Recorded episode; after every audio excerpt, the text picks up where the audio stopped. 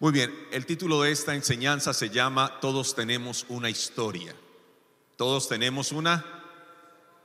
Alguno dijo, todos tenemos cola que nos arrastra. Pero de verdad todos tenemos, todos tenemos una historia. Y a esa historia yo le llamo su historia de vida. Su historia de vida. Y esa historia de vida, gracias. Esa historia de vida tiene diferentes etapas, etapas de su desarrollo. Tiene etapas tanto de su desarrollo físico como también de su desarrollo mental. Las primeras etapas de su vida y de mi vida se llaman fuentes de programación. Y esas fuentes de programación es lo que usted ha sembrado en sus hijos y dice la ciencia que va hasta los siete años se llaman fuentes de programación. Y cuando yo me convertí al Señor, yo veía la historia de mi familia, yo veía la historia que habíamos traído y no era algo que me agradara, no, no era algo con lo cual yo podía simpatizar. Habían cosas que me gustaban, pero habían otras cosas que no. Sin embargo, se hacía un gran énfasis y aún dentro del pueblo de Dios se ha hecho un gran énfasis a la historia que hemos traído, a la herencia. Pero estudiando un poquito acerca de las etapas del desarrollo y la programación que esto tiene en nuestra vida, esto es lo que descubrí. La herencia que usted trae tiene una influencia sobre su vida de un 35% de lo que usted va a vivir. ¿Cuánto? Un 35%. Quiere decir que hay un 65% a través del cual usted puede cambiar su historia. Es decir, sé que traemos una, una historia, sé que traemos una herencia, pero hay una etapa también de nosotros, el cual se forma nuestro carácter, o lo que usted y yo llamamos personalidad, que se forma a través de la experiencia de vida y esas etapas de desarrollo o ese desarrollo del carácter específicamente es un desarrollo continuo. Dígale al que está a su lado, yo no soy así. Dígale, yo estoy así. Otra vez, vamos, dígale, yo no soy así. No, esta barriga que usted ve es temporal. Yo no soy así. Yo estoy así.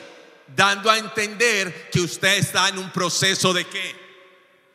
de cambio, que usted está en un proceso de desarrollo.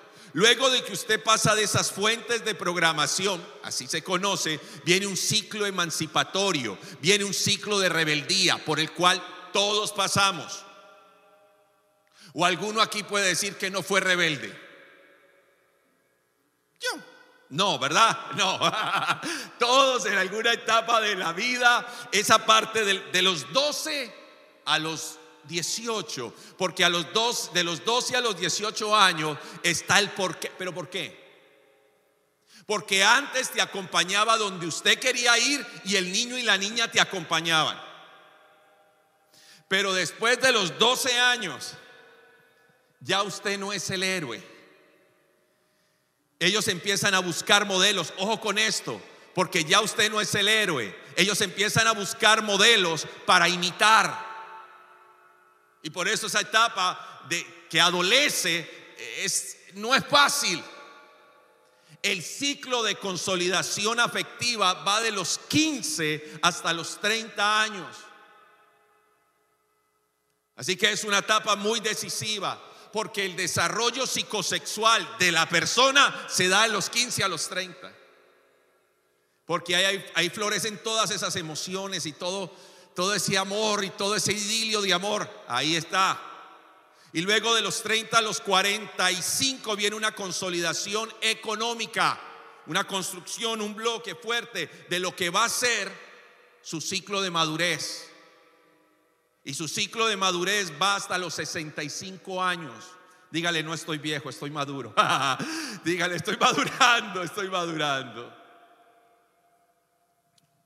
Y viene el ciclo de la sabiduría que va de los 65 años hacia arriba. Pero esa es su historia.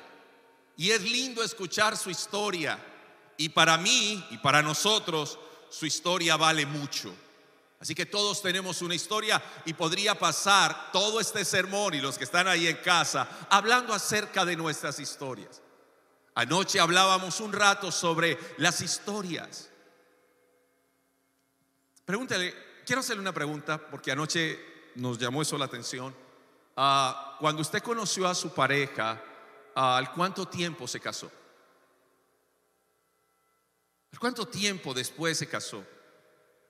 Porque tenemos un amigo en común que el día que la conoció le dijo, usted va a ser mi esposa, cásese conmigo. Y días después se casaron. Y nos contaban su historia y nos alegrábamos por esas historias. Y, usted es eso. Y cuando yo me siento a hablar con una persona, construyo en base a su historia. Me gusta escucharle su historia porque ese es su legado, lo, que ha aprendido y lo que ha reaprendido. Y tengo una frase, camino repetido, lección no aprendida. Y algunos van por la vida reaprendiendo. ¿Cuántas veces repitió primero? ¿Cuántas veces repitió quinto?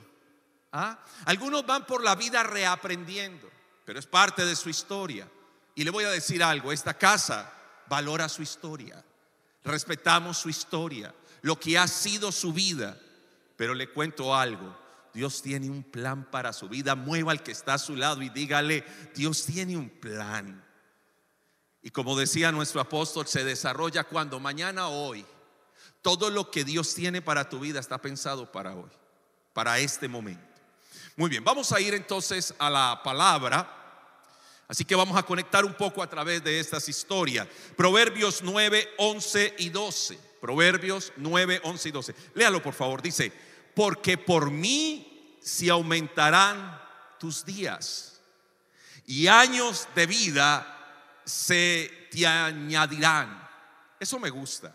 Pero preste atención al versículo siguiente. Si fueres sabio, ¿para quién lo serás? Si fueres feliz, ¿para quién lo serás? Si fueres próspero, ¿para quién lo serás? Vamos, dígalo, dígalo, para mí. Y luego dice, y si fueres escarnecedor, pagarás tú solo. La Biblia dice que hay del solo, porque mejor son dos que uno. Y en la vida te vas a empezar a dar cuenta que al cabo de los años te quedan menos personas. Porque las personas que nos rodean, algunas empiezan a morir. Pero dice la Biblia, hay del solo. Y una de las cosas que pasa con aquel que no sabe vivir su vida es que sus propios demonios lo consumirán. Un filósofo dijo, creamos nuestros propios demonios. Si, si eres sabio, ¿para quién lo serás? Dígalo, dígalo conmigo. Para mí. Y si fueres escarnecedor, ¿para quién lo serás? Okay. Si fuere amargado, ¿para quién lo será? Si fuera, ah, si fuera chismoso, ¿para quién lo será? Para usted mismo. Usted mismo está labrando. Mire, le voy a decir la diferencia entre destino y porvenir. Destino es todo aquello en lo que usted no puede meter su mano. Diga, mi destino está en Dios por venir como usted quiera vivir. Otra vez, destino, donde usted no mete su mano, está metida la mano de Dios en tu vida. Por venir como quiere vivir. Así que mira el que está a su lado y dígale, ¿cómo querés vivir estos días? ¿Cómo estás viviendo estos días? Conectamos a través de de su historia y de la nuestra. Vaya conmigo en Proverbios 15:15, 15, fácil de aprender. Diga 15:15. 15. Bueno, léalo por favor. Todos los días del afligido son fáciles. Ah, no, me equivoqué, son difíciles. Mas el corazón contento tiene un banquete continuo. Otra vez. Todos los días del afligido son, hoy volvió a nevar. Ay, todos los días del afligido, ¿cómo son? Difíciles. ¿Cómo está? Bien, para no preocuparlo. Todos los días del día son difíciles, pero el corazón contento tiene que. Pero solo tiene arroz con huevo. Eso es. Y le pone dos tajaditas ahí para que haga carita feliz. Escuche eso. Usted es el que se hace su día. Ay, ya tengo 40. ¿Y qué? Disfrútelos. No, yo solo. Le voy a decir algo. Hay gente que está, está casada y se quiere separar. Y usted solo y no disfruta. Si usted es feliz solo, mira el que está a su lado, dígale, si tú eres feliz solo, serás feliz acompañado. ¿Cómo son los días del afligido? Difícil. ¿Y cómo son los días del corazón contento? Banquete, eso. Diga, banquete conmigo. ¿Cómo está? Excelentemente bien. Bendecido. ¿Mentimos en eso? No. Es la perspectiva de lo que usted tenga. Es la manera en que usted conecta con otros. Escuche esto. Creo que fue el pastor Juan Carlos que dijo esto. Y no es adulación, no quiero que lo vea así, quiero que lo vea en propósito. Hace 20 años o un poco más, Dios le dio la visión a nuestro apóstol de formar a través de un sueño este remanente. Y fue a través de su historia y de Dios moverlo de Colombia para acá y de Elizabeth, hasta ahí voy, creo que voy bien, de Elizabeth a esta zona y cómo Dios lo trae. Y en esa, en esa historia conectamos todos. Y en esta historia a través de su vida, de sus lomos, mire todos los que nos hemos conocido. Entonces, una de las cosas lindas de las historias es que nos conectan con alguien más. Ha sido lindo estar en sus vidas y, ustedes en las nuestras y, vivir todo lo que hemos vivido. La Biblia dice en Mateo 1.1 un, un versículo que pasamos desapercibido porque son las genealogías de la Biblia. Y a veces en las genealogías de la Biblia no le prestamos atención. La pasa, ay, genealogía, pasemos al capítulo 2. Pero mire lo que dice la Biblia. Línea dice libro de genealogía de Jesucristo. ¿Hijo de quién? ¿Hijo de quién? De Abraham. Dos hombres separados por, versículo siguiente dice, separados por 14, 14 generaciones. 14 generaciones separaron a esos hombres. Versículo 17 exactamente. Eh, Mateo 1.17 dice, separados por 14 generaciones, pero que Dios los conectó. Cuánta historia, cuánto bagaje, cuán, cuán diferentes tal vez somos los unos de los otros, pero Dios nos conectó. Ahora no nos vayamos lejos. ¿Cuán diferencia hay entre usted y su esposa? Tal vez de culturas diferentes, tal vez de pueblos diferentes. A usted le gusta la arepa, a ella le gusta la pupusa. A usted le gusta el candil, a ella le... Ahora, ¿qué, es candil? Crispetas. En Ecuador. Eh, a ella le gustará otra cosa, qué sé yo. Y por una llamada, por una foto, por, por estaba usted en el lugar tal vez menos indicado. Vamos a ser bien, bien escuetos, bien abiertos. Tal vez usted estaba en un bar una noche, en el, el bar del que tuvo del que tuvo novia, del que tuvo, bueno, allá en el bar del que tuvo. Y allá se encontró con su esposo. Dos historias totalmente diferentes, pero Dios tenía un propósito. Si usted tiene a su esposa, a su esposo ahí, dígale, gordo, Dios tenía un propósito. Dice la Biblia que habían 14 generaciones diferentes y, y podríamos decir, era imposible que se encontraran. Y en ese tren se montaron los dos. John Jaime me había hablado de Tipa por harto tiempo. Es más, le voy a decir algo. Antes de que conectáramos, ellos ya me conocían. La pastora me relacionó con un comediante en Colombia. Y no voy a decir el nombre del comediante. y, ellos fueron a la iglesia. Yo ni sabía. Él tenía que predicar en la iglesia y lo mandaron a predicar a, otro, otra, a otra ciudad. Pero luego Estando yo en Barranquilla, Dios me habló y me dijo, llama a tu amigo y abre la puerta, mira las estrellas del cielo, porque así como son las estrellas del cielo, yo haré con ustedes. Remanente está fundado en promesa.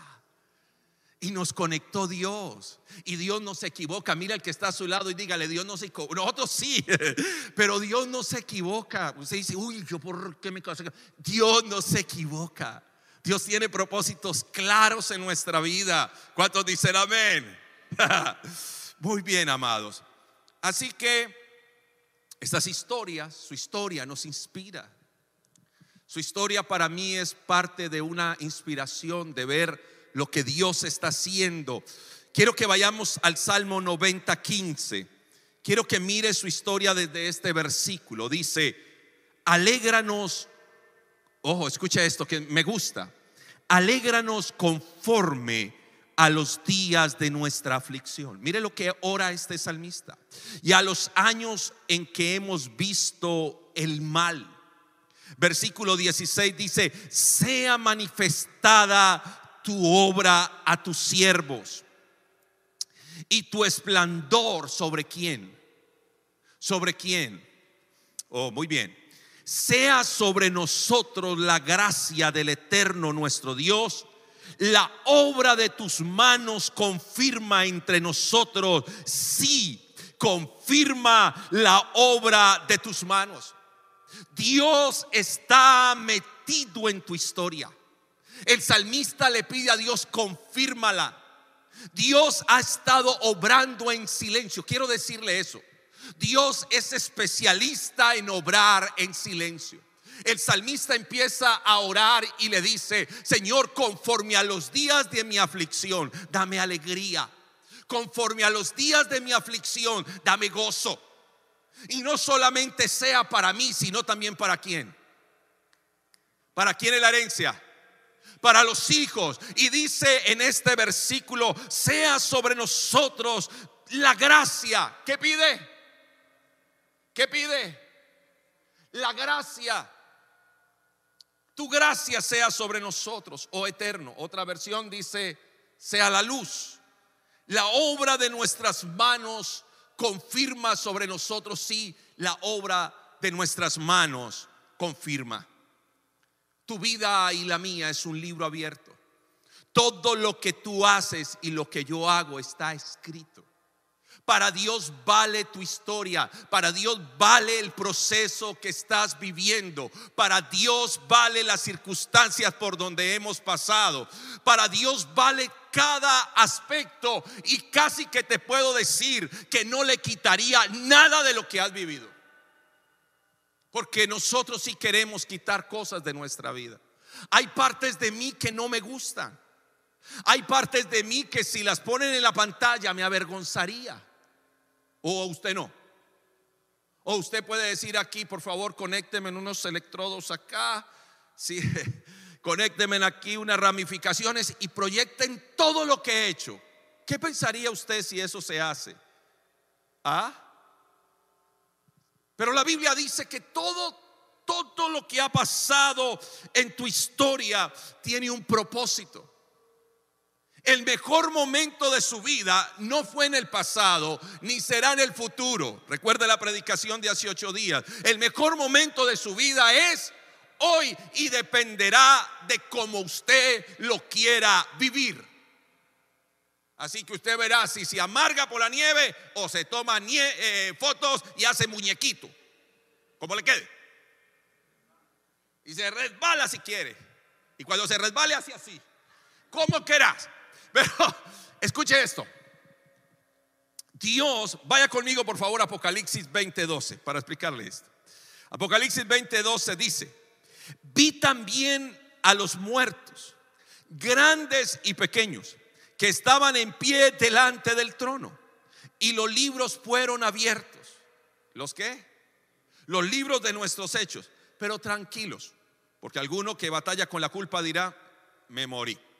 Dice, y otro libro fue abierto, que es el libro de la vida. Y los muertos fueron juzgados a base de las cosas escritas en los libros de acuerdo a qué? Toque al que está a su lado y dígale, hay otro libro. Hay un libro en el cual usted ha escrito su historia. Hay un libro en el cual hay hechos, errores, batallas, pecado, lo que usted quiera. Pero revuelque al que está a su lado y dígale, hay otro libro, el libro de la vida. Y yo recuerdo hace muchos años que hice una oración de fe. Y el hombre que hacía la oración de fe conmigo dijo, Señor, borra su nombre del libro de los hechos de muerte y escribe su nombre en el libro de la vida. ¿Qué quiere decir eso? Escucha que yo sé que hay una historia que, que, la respeto y está marcada por cantidad de errores, aciertos y desaciertos. Pero un día Dios cogió tu nombre y lo puso en un libro llamado el libro de la vida. Y todos tus hechos, culpas, batallas, aciertos y desaciertos fueron limpiados por la sangre de Jesús. Y a partir de ahí Recuerde lo que la historia o la herencia marca en nosotros, un 35%. Pero hay un 65% que lo marca Dios a partir de ahí en tu vida y dice, yo puedo hacer todo nuevo en ti. Amado, la culpa es satánica, lo voy a repetir, porque la culpa te esclaviza a un pasado que no existe. No existe el pasado, lo que existe es el recuerdo de qué? Del pasado, eso es lo que existe. ¿Usted batalla con qué? ¿Con el recuerdo de qué? Uy, yo por qué me comí eso. Ya lo comió. Usted está batallando, ¿es con qué? Con el recuerdo de qué? Ay, todo lo que me gasté, ya lo gastó. Usted está batallando con el recuerdo. La culpa fue llevada a la cruz. Ahora ya no hablamos de culpa, hablamos de responsabilidad. Asumimos la responsabilidad y eso es diferente. Porque la responsabilidad sí cambia, porque te ajusta a lo que es honesto, a lo que es bueno. Así que quiero saber cuántos tienen su nombre escrito en el libro de la vida. ¿Y los demás? Que escribirlo. Diga conmigo, Señor, borra mi nombre del libro de los hechos de muerte y escribe mi nombre en el libro de la vida. Amén. Eso, muy bien. Bien, amados. Vamos muy bien. Ahora, mire al que está a su lado y dígale, cuéntame tu historia. Dile, dile, cuéntame tu historia. No le quitemos, no le quitemos partes a esa historia. Es linda escucharla. Miremos parte de una historia, Eclesiastés 2.1. Vamos a ver si alguien se parece aquí. Alguno va a leer esto y va a decir, oiga, me pillaron. Dije yo en mi corazón, ¿qué dije? Ven ahora, te probaré con alegría y gozarás de bienes. Mas he aquí también era vanidad. Y a la risa dije, enloquece. Y al placer, ¿de qué sirve esto? Propuse en mi corazón comer carne a la llanera. comer carne con vino al argentino.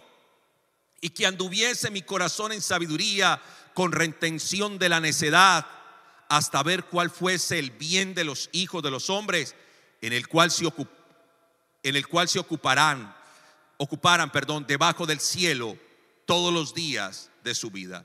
Engrandecí mis obras, edifiqué para mí casas, planté para mí viñas, hice huertos, jardines, planté en ellos árboles de todo fruto, me hice estanques de agua para regar de ellos los bosques donde crecían los árboles. Compré siervos, compré siervas, tuve siervos nacidos en casa, también tuve gran posesión, grande posesión grande de vacas y de ovejas, más que todos los que fueron antes de mí en Jerusalén. Me amontoné también plata y oro y tesoros preciados de reyes y de provincias. Me hice cantores, cantoras de los deleites de los hijos de los hombres y de toda clase de instrumentos de música. Fui engrandecido y aumentado con todos los que fueron antes de mí en Jerusalén. Además de esto, conservé conmigo mi sabiduría. No negué a mis ojos ninguna cosa que desearan, ni aparté, ni aparté mi corazón de placer alguno, porque mi corazón se gozó de todo mi trabajo y esta fue parte de mi faena. A pesar que fue un hombre desmedido en placeres y que tuvo 999 suegras,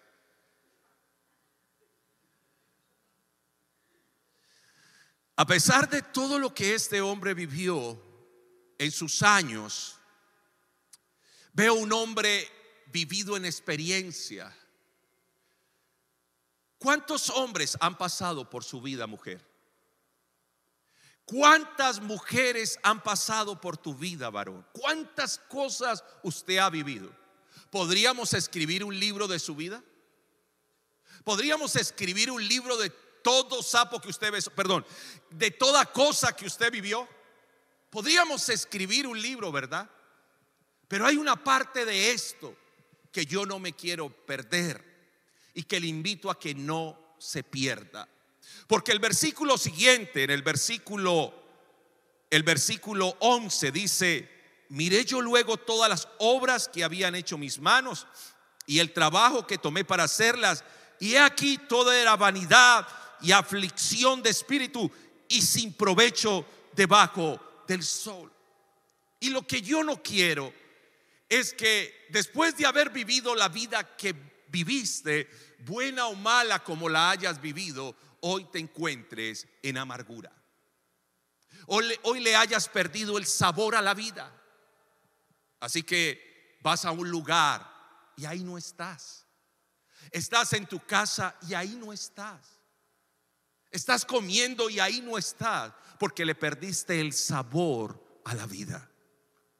El, el problema de las exageraciones y Ah, excentricismos, gracias, pa.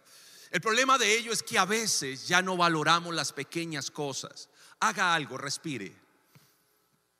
¿Sabe cuánto no lo pueden hacer? Mueva sus manos, muévalas y diga, papá, gracias. Mueva sus pies, papá, gracias. Gracias. Aprender a valorar nuevamente las cosas. Un abrazo, un beso, una caricia, a veces se nos pierde ello. A veces nos perdemos en las grandes cosas cuando la vida está en los pequeños momentos. Le voy a dar una filosofía de vida que se le aprendí al pastor. No intentes vivir días buenos, intenta vivir momentos buenos. No intentes que hoy este día sea el más espectacular porque saliendo lo puede, le puede caer excremento de, de algún pato atravesado. Pero la vida está llena de momentos. Haga que este momento cuenta. Está aquí, disfrúteselo. Va a ir a almorzar ahora, disfrúteselo. Va a invitar al pastor, disfrútese ese momento. Disfrútate. Voy al que está a su lado y dile, disfruta tu momento. Disfruta lo que Dios está haciendo. Disfruta cada aspecto de tu vida. No te avergüence tu historia. La Biblia dice, te haré olvidar la vergüenza de tu juventud. Y la afrenta tuya no tendrás más memoria. No te avergüence tu historia. Es parte de tu vida. Y todo lo que pasó fue diseñado y tuvo un propósito para traerte hasta aquí. Te trajo el Señor hasta aquí. Toque al que está a su lado y dile, tranquilo. Dios tiene el control. Dios lo está haciendo. Todo lo diseñó el Señor para este momento. Tu historia tiene un propósito. Le voy a regalar una escritura que mi vida, esa escritura la ha marcado por el contexto en el cual crecí y en lo que Dios nos ha convertido. Así que yo estoy entrelazado en su historia yo estoy entrelazado en la historia de mi apóstol, yo estoy entrelazado en la historia de los pastores, ustedes están entrelazados en mi historia. Y esto es lo que me gusta del Señor, hablando de que la historia tiene un propósito. Mire, Salmo 2.7. Vaya conmigo, por favor, allí. Salmo 2.7. Yo, yo publicaré el decreto. ¿Yo publicaré qué? El decreto. El Eterno me ha dicho, mi hijo eres tú. Yo te engendré hoy. Recuerde que el hombre engendra a la mujer, concibe. Yo te engendré hoy. Tienes mis genes, tienes mi visión, tienes mi propósito, tienes todo lo que yo soy. Aunque el comienzo de este joven era estiercolero, cuidador de ovejas, y él era el que iba por detrás recogiendo el estiércol de ellas. Tal vez usted está en un trabajo el cual no es cómodo para ti. Tal vez usted está en una relación que no es cómoda para ti. Pero la visión que Dios tiene para ti te hace recordar hoy que el propósito de Él en tu vida es extremadamente poderoso. Y Él dice que publica un decreto. Alguien me dijo que nosotros no podíamos decretar. Escúcheme esto, esto es interesante. Alguien dijo que nosotros nos andábamos que declarando y profetizando y decretando. La Biblia dice que yo publico decretos. Míralo allí, subrayalo ahí para que nunca se le olvide de que la Biblia sí dice que usted puede publicar decretos y usted puede levantar un decreto en esta mañana y decir, el Señor me ha dicho, mi hijo eres tú, yo te engendré cuando. Yo te engendré cuando hoy. Hoy, hoy es el momento. Esta palabra no es, ay, que hubiera venido mi tía. Esta palabra no era para su tía. Esta palabra es para usted. Dios dice, yo te engendro hoy. Yo pongo ADN mío en ti hoy. Yo pongo cultura mía en ti hoy. Yo tengo un lenguaje para ti. Tengo unos pensamientos. Tengo una palabra para ti hoy. Yo te engendré. Así que versículo siguiente dice esto. Pídeme. Y te daré por herencia a naciones no, yo no necesito nación, necesito un carro. No, necesito una suegra, o sea, necesito casarme. Yo, yo, yo necesito, escúchame, la visión que Dios tiene para ti, lo que Dios ha, preparado para el hoy tuyo. Señores. Y él dice hoy, mira que lo dice, yo te engendré ayer. O él dice, ¿te engendré cuándo? Hoy, para que tú lo tengas claro, para que sea un presente continuo, continuo, continuo. Diga, hoy, dígalo, dígalo, hoy, ¿qué aprendió hace ocho días? Muy bien. Dice, pídeme naciones. ¿Qué te dice el Señor? Pídeme qué?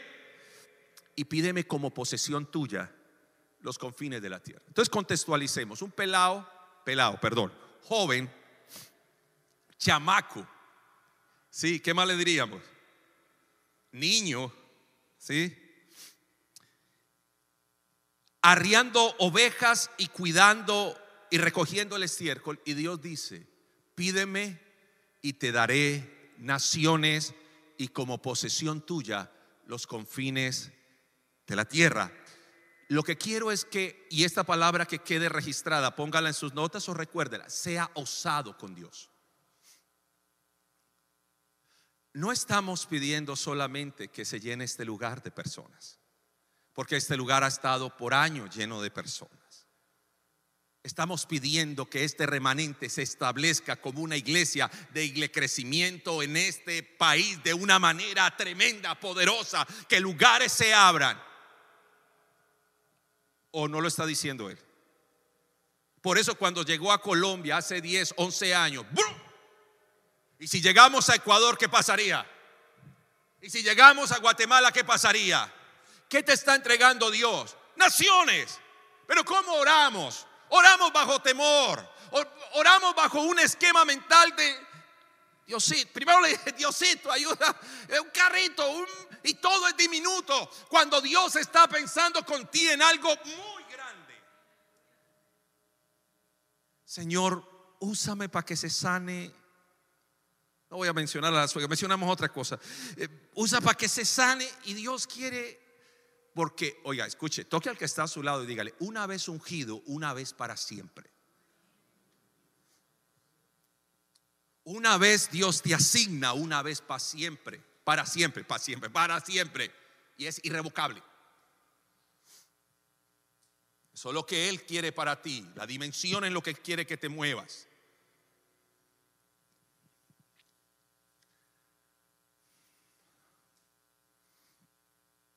Quiero que sanes tu historia, no dejando de recordar lo que viviste, pero sí sintiendo algo diferente. Lo voy a repetir. Quiero que sanes tu historia. No te pido que olvides. Ese no es el propósito. No te pido que olvides tu historia. Te olvidarías a ti mismo y entonces repite los mismos errores. No, no, no olvides tu historia pero quiero que sientas algo diferente. Y de eso se va a encargar Dios. Otra vez, diga conmigo, no olvidaré mi historia. Ese no es el propósito, que lo olvides, sino que sientas algo diferente.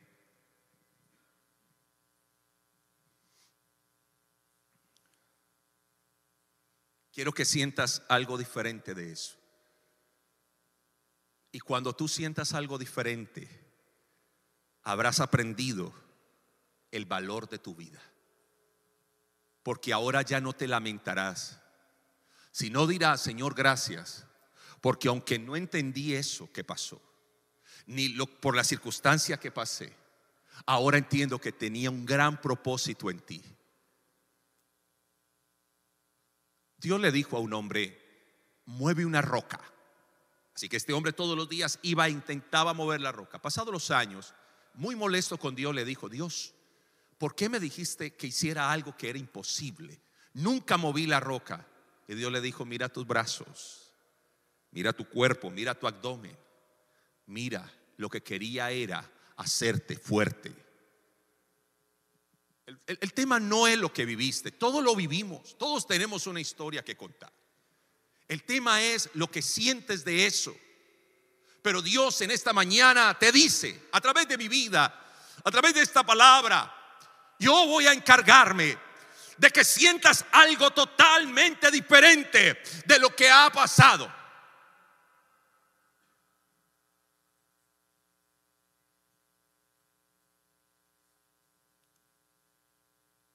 Fénix Toro, la mamá de, Juan Carlos Tobón, de Tata, por ahí lo hemos visto con el niño y su esposa. Una mujer especialista en sanidad integral, una mujer muy, muy tremenda. Ella se ha sentado a hablar con Jesús en su sala. Quisiera uno, ¿no? ¿Qué, ¿Qué, hace? No aquí hablando con Jesús, con Chucho.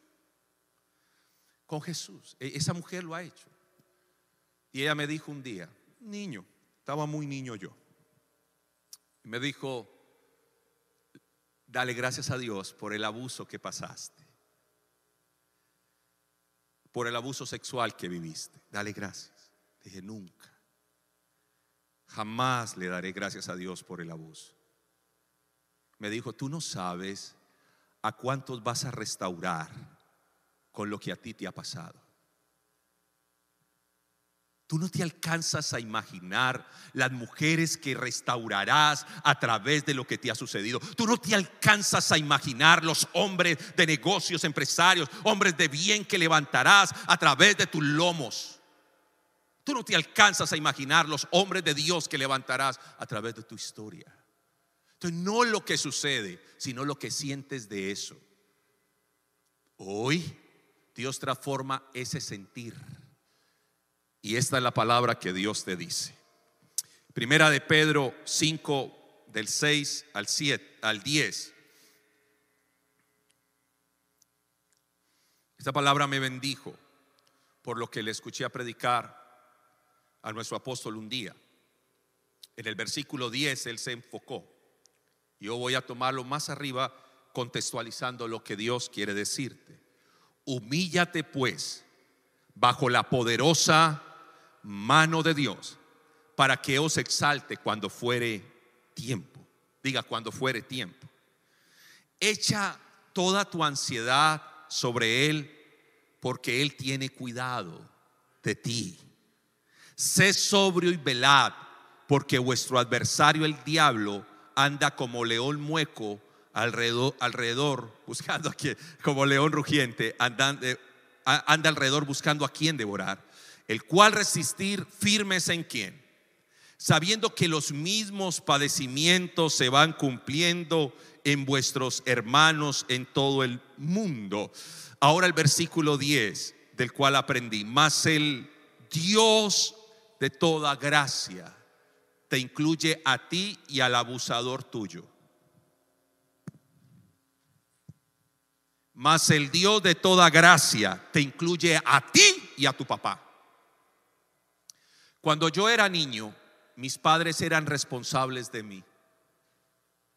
Cuando yo fui joven, mis padres y yo éramos corresponsables. Pero ahora que soy adulto, yo soy responsable.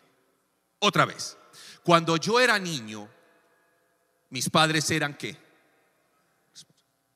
asumían toda la responsabilidad. Cuando fui joven, ellos y yo éramos corresponsables. Pero ahora que soy adulto, ya no me puedo excusar en ellos. Yo soy responsable. Y la misma gracia que me cubre a mí, cubre a aquellos que me han herido. La misma gracia que me cubre a mí, cubre a los que han fallado o no. O solamente lo cubre a usted. Cubre a todos. Diga más el Dios de toda gracia. Que nos llamó a su gloria eterna en Jesucristo. Después de que hayas, te hayan hecho un masaje donde Nora. No, dice eso, ¿verdad? después de que hayas padecido un poco de tiempo. Porque sé que el proceso y, el crecimiento duele. Si no, dígale a los niños a veces que están llorando. ¿Por qué llora? Porque le duelen los huesos. Está creciendo. Es más, los niños y los jóvenes crecen durmiendo. Luego usted va, mamá, estoy creciendo. Estoy creciendo. Entonces, no, olvide esa parte.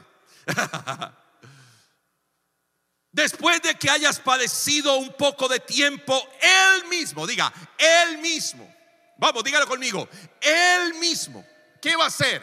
Él mismo lo... él mismo lo afirme. Él mismo lo... Y Él mismo lo... Otra vez, Él mismo lo... Él mismo lo... Él mismo lo... Él mismo lo Por eso no hay mejor momento que este que está viviendo. Porque por estar pensando en el pasado, ay, cuando yo era joven, está dejando de disfrutar su madurez.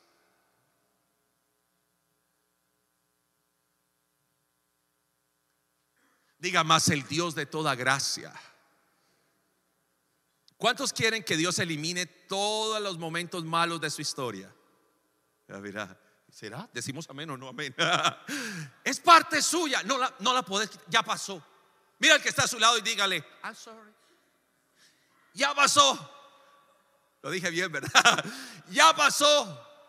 Hay que vivir el momento. Revuelca el que está a su lado y dígale, hay que vivir el momento. Es el hoy. No, pero acordate. ¿Qué, qué se acordar? Disfruta este momento. Disfruta lo que Dios te está dando, lo que te ha entregado. Quiero que sueñes. Sueña. Que el que sueña está libre. El Salmo 126, 1 dice, cuando el Eterno hiciere volver de la cautividad, seremos como los que sueñan. Estaban en la cautividad, cautividad. Estaban allá en Babilonia, junto al río Quebar. Estaban cautivos de 70 años y decían, cuando volviéramos de la cautividad, vamos a soñar. Entonces seremos como los que sueñan. Entonces nuestra boca se va a llenar de qué? Nuestra lengua va a qué? Venga, ¿usted no le parece que es como muy exagerado? Ahí van moviendo banderas. Quédese quieto. No. ¿Para qué me voy a quedar quieto? Disfrutemos. Y si vamos a comer, comemos con gusto. Amén. Si va, vamos a vivirla, vamos a vivirla bien. Porque el mundo trae aflicciones. Y tú necesitas estar muy bien parado para enfrentar lo que vendrá. Y a veces la única diferencia es la manera en que lo querés vivir. Nuestra boca se llenará de risa, nuestra lengua de alabanza dirán entre las naciones, ¿qué dirán? Claro, porque ellos no ven lo que tú ves, porque tú has, o sea, para llegar hasta acá no es un caso de azar. No ve como que, ¡ay! Y ahí apareció, no, señores. no, señores. Para llegar hasta acá tuviste que haber vivido unos procesos, unos sucesos. Y decimos nosotros, unas vainas, no hay cómo me traduzca eso, pero unas cosas, debe estar la que está traduciendo, vainas, vainas, vainas, unas cosas que uno dice, Dios, pero te trajo hasta aquí. Eres un campeón. Toca al que está a su lado y dígale, eres un campeón. Te trajo hasta aquí. Dios te ha sostenido, te ha abrigado, te ha levantado. Yo sé que ha, llorado. A veces, los versículos siguientes, bueno, lo voy a leer. Grandes cosas ha hecho Jehová con nosotros, estaremos alegres. Haz volvernos de nuestra cautividad. Porque todo esto era soñado. Oh eterno, como los arroyos del Negev. Los que sembraron con lágrimas, con regocijo segarán. Irán andando y llorando. Porque entregan una semilla, pero volverán volverán trayendo su recompensa. Esa es parte de tu historia, es parte de tu faena. No te voy a pedir que te enfoques, te voy a pedir que te clarifiques. Y con esto cierro. No te estoy pidiendo que te enfoques, que es una parte muy importante, pero antes de enfocarte, clarifica qué es lo que quieres hacer. Piensa en un camarógrafo antes de enfocar, tiene que tener en su mente qué es lo que quiere hacer. Entonces lo que te voy a pedir en esta mañana es que clarifiques. Clarifiques. Mira, dice la palabra, léalo conmigo. Job 17, Job 11, 17 y 19 para los que clarifican. La vida te será más clara que el mediodía y aunque oscureciere será como la mañana, tendrás confianza porque hay esperanza, mirarás alrededor, dormirás seguro, te acostarás y no habrá quien te espante y muchos suplicarán tu favor. ¿Cuándo? Cuando tengas claro qué es lo que quieres. Muchos andan en la vida enfocándose y, eso está bien, quieren enfocarse, pero no la tienen clara. Lo primero que necesito en este día de tu historia es que clarifique qué quieres. Mira al que está a su lado y dígale, ¿qué quieres? Bueno, suena mal así. Dígale, ¿qué quieres, mi rey? ¿Qué quieres, mi reina? ¿Qué quieres? ¿Qué es lo que quieres? Clarifica. Y una vez clarifiques, enfócate, que Dios está contigo. Tienes que tenerla clara. ¿Qué es? Porque eso es lo que va a pasar. Muchos van a empezar a pedir tu favor.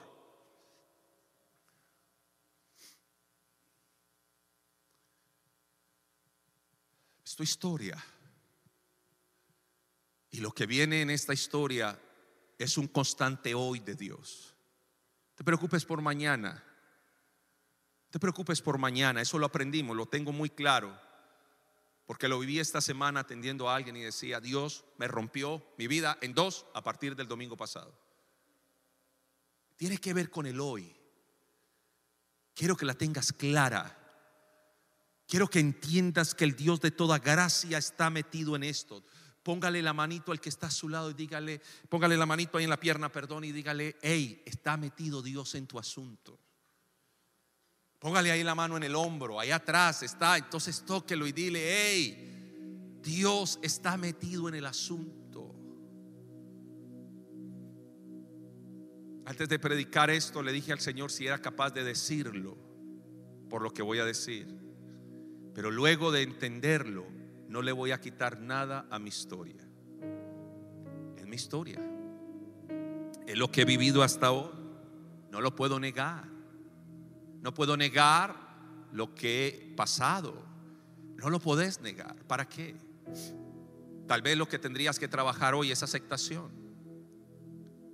Dos, tal vez lo que tienes que es aprender a resignificar, a cambiarle el sentimiento a lo que te pasó. Y cuando aprendes a agradecer y cuando aprendes que esto te enseñó a madurar y a depender más de Dios y no de los hombres, o te, o te enseñó carácter, o te, te enseñó a, a fortalecer tu capacidad de toma de decisión, entonces dirás, papá, gracias. Cuando ves que tu historia está impactando a miles, papá, gracias. Quiero que dejes aquí tu vergüenza. Si no quieres, no la dejes aquí. Te dice, no, aquí no. Entiéndame el término. Déjesela a Jesús. Y publique un decreto hoy al salir. Diga, Jehová me ha dicho, mi hijo eres tú. Así que el que, pastor, pero es que mi mamá, mi papá, ¿qué? Porque la Biblia dice que tu papá es Dios. No, pastor, pero es que usted no sabe lo que me... Sí, yo te entiendo eso. Pero tú tienes un decreto, tú tienes una resolución que publicar y decir, Dios es mi Padre. Así que ya no avergüences más a tu papá y a tu mamá. ¿Para qué? Por esos viejos Dios te trajo aquí. Sí, pero esos don nadie... No, Señor. Honra a tu padre y a tu madre para que te vaya bien y tenga larga vida sobre la tierra. Sabe lo que hizo mi papá. Él te engendró en la carne, pero Dios te engendró en el espíritu. Así que gracias papá, Dios, por toda mi historia. Porque eso me hizo depender más de ti. No le quito nada, solamente lo que tú quieras borrar de ella, mi rey. Pero lo borras por tu sangre preciosa. A tu papá y a tu mamá dejarlos donde están ya. Publica un nuevo decreto. ¿Cuál es el decreto que el Señor pide en esta mañana que publiques? Que tú eres su hijo. Pídeme. ¿Qué dice Dios? Pídeme. Porque es papá. ¿Y usted cómo le pedía? Uno cómo le pedía al papá. Papi. Pídeme y te daré naciones y como posesión tuya confines de la tierra. Téngala clara, porque por ahí andan muchos matasueños, matando los sueños de las personas.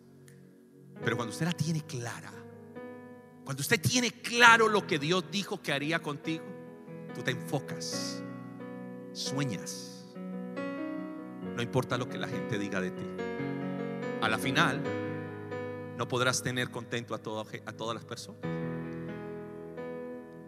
pero podrás tener contento a Dios. Este es mi Hijo amado, en quien tengo mi complacencia. Este es mi amigo. Este es conforme a mi corazón.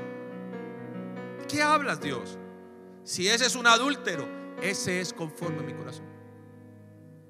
¿De qué habla Dios? Como que amigo.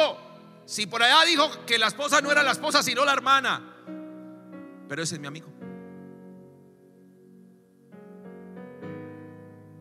Téngala clara. Téngala clara. Tenga claro lo que Dios le entregó.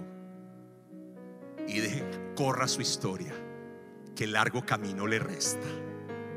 Que grandes cosas están por venir. ¿Cuándo? Vamos, ¿cuándo? Hoy. Puestos en pie.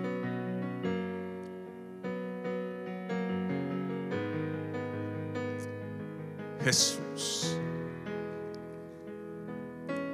Jesús, gracias.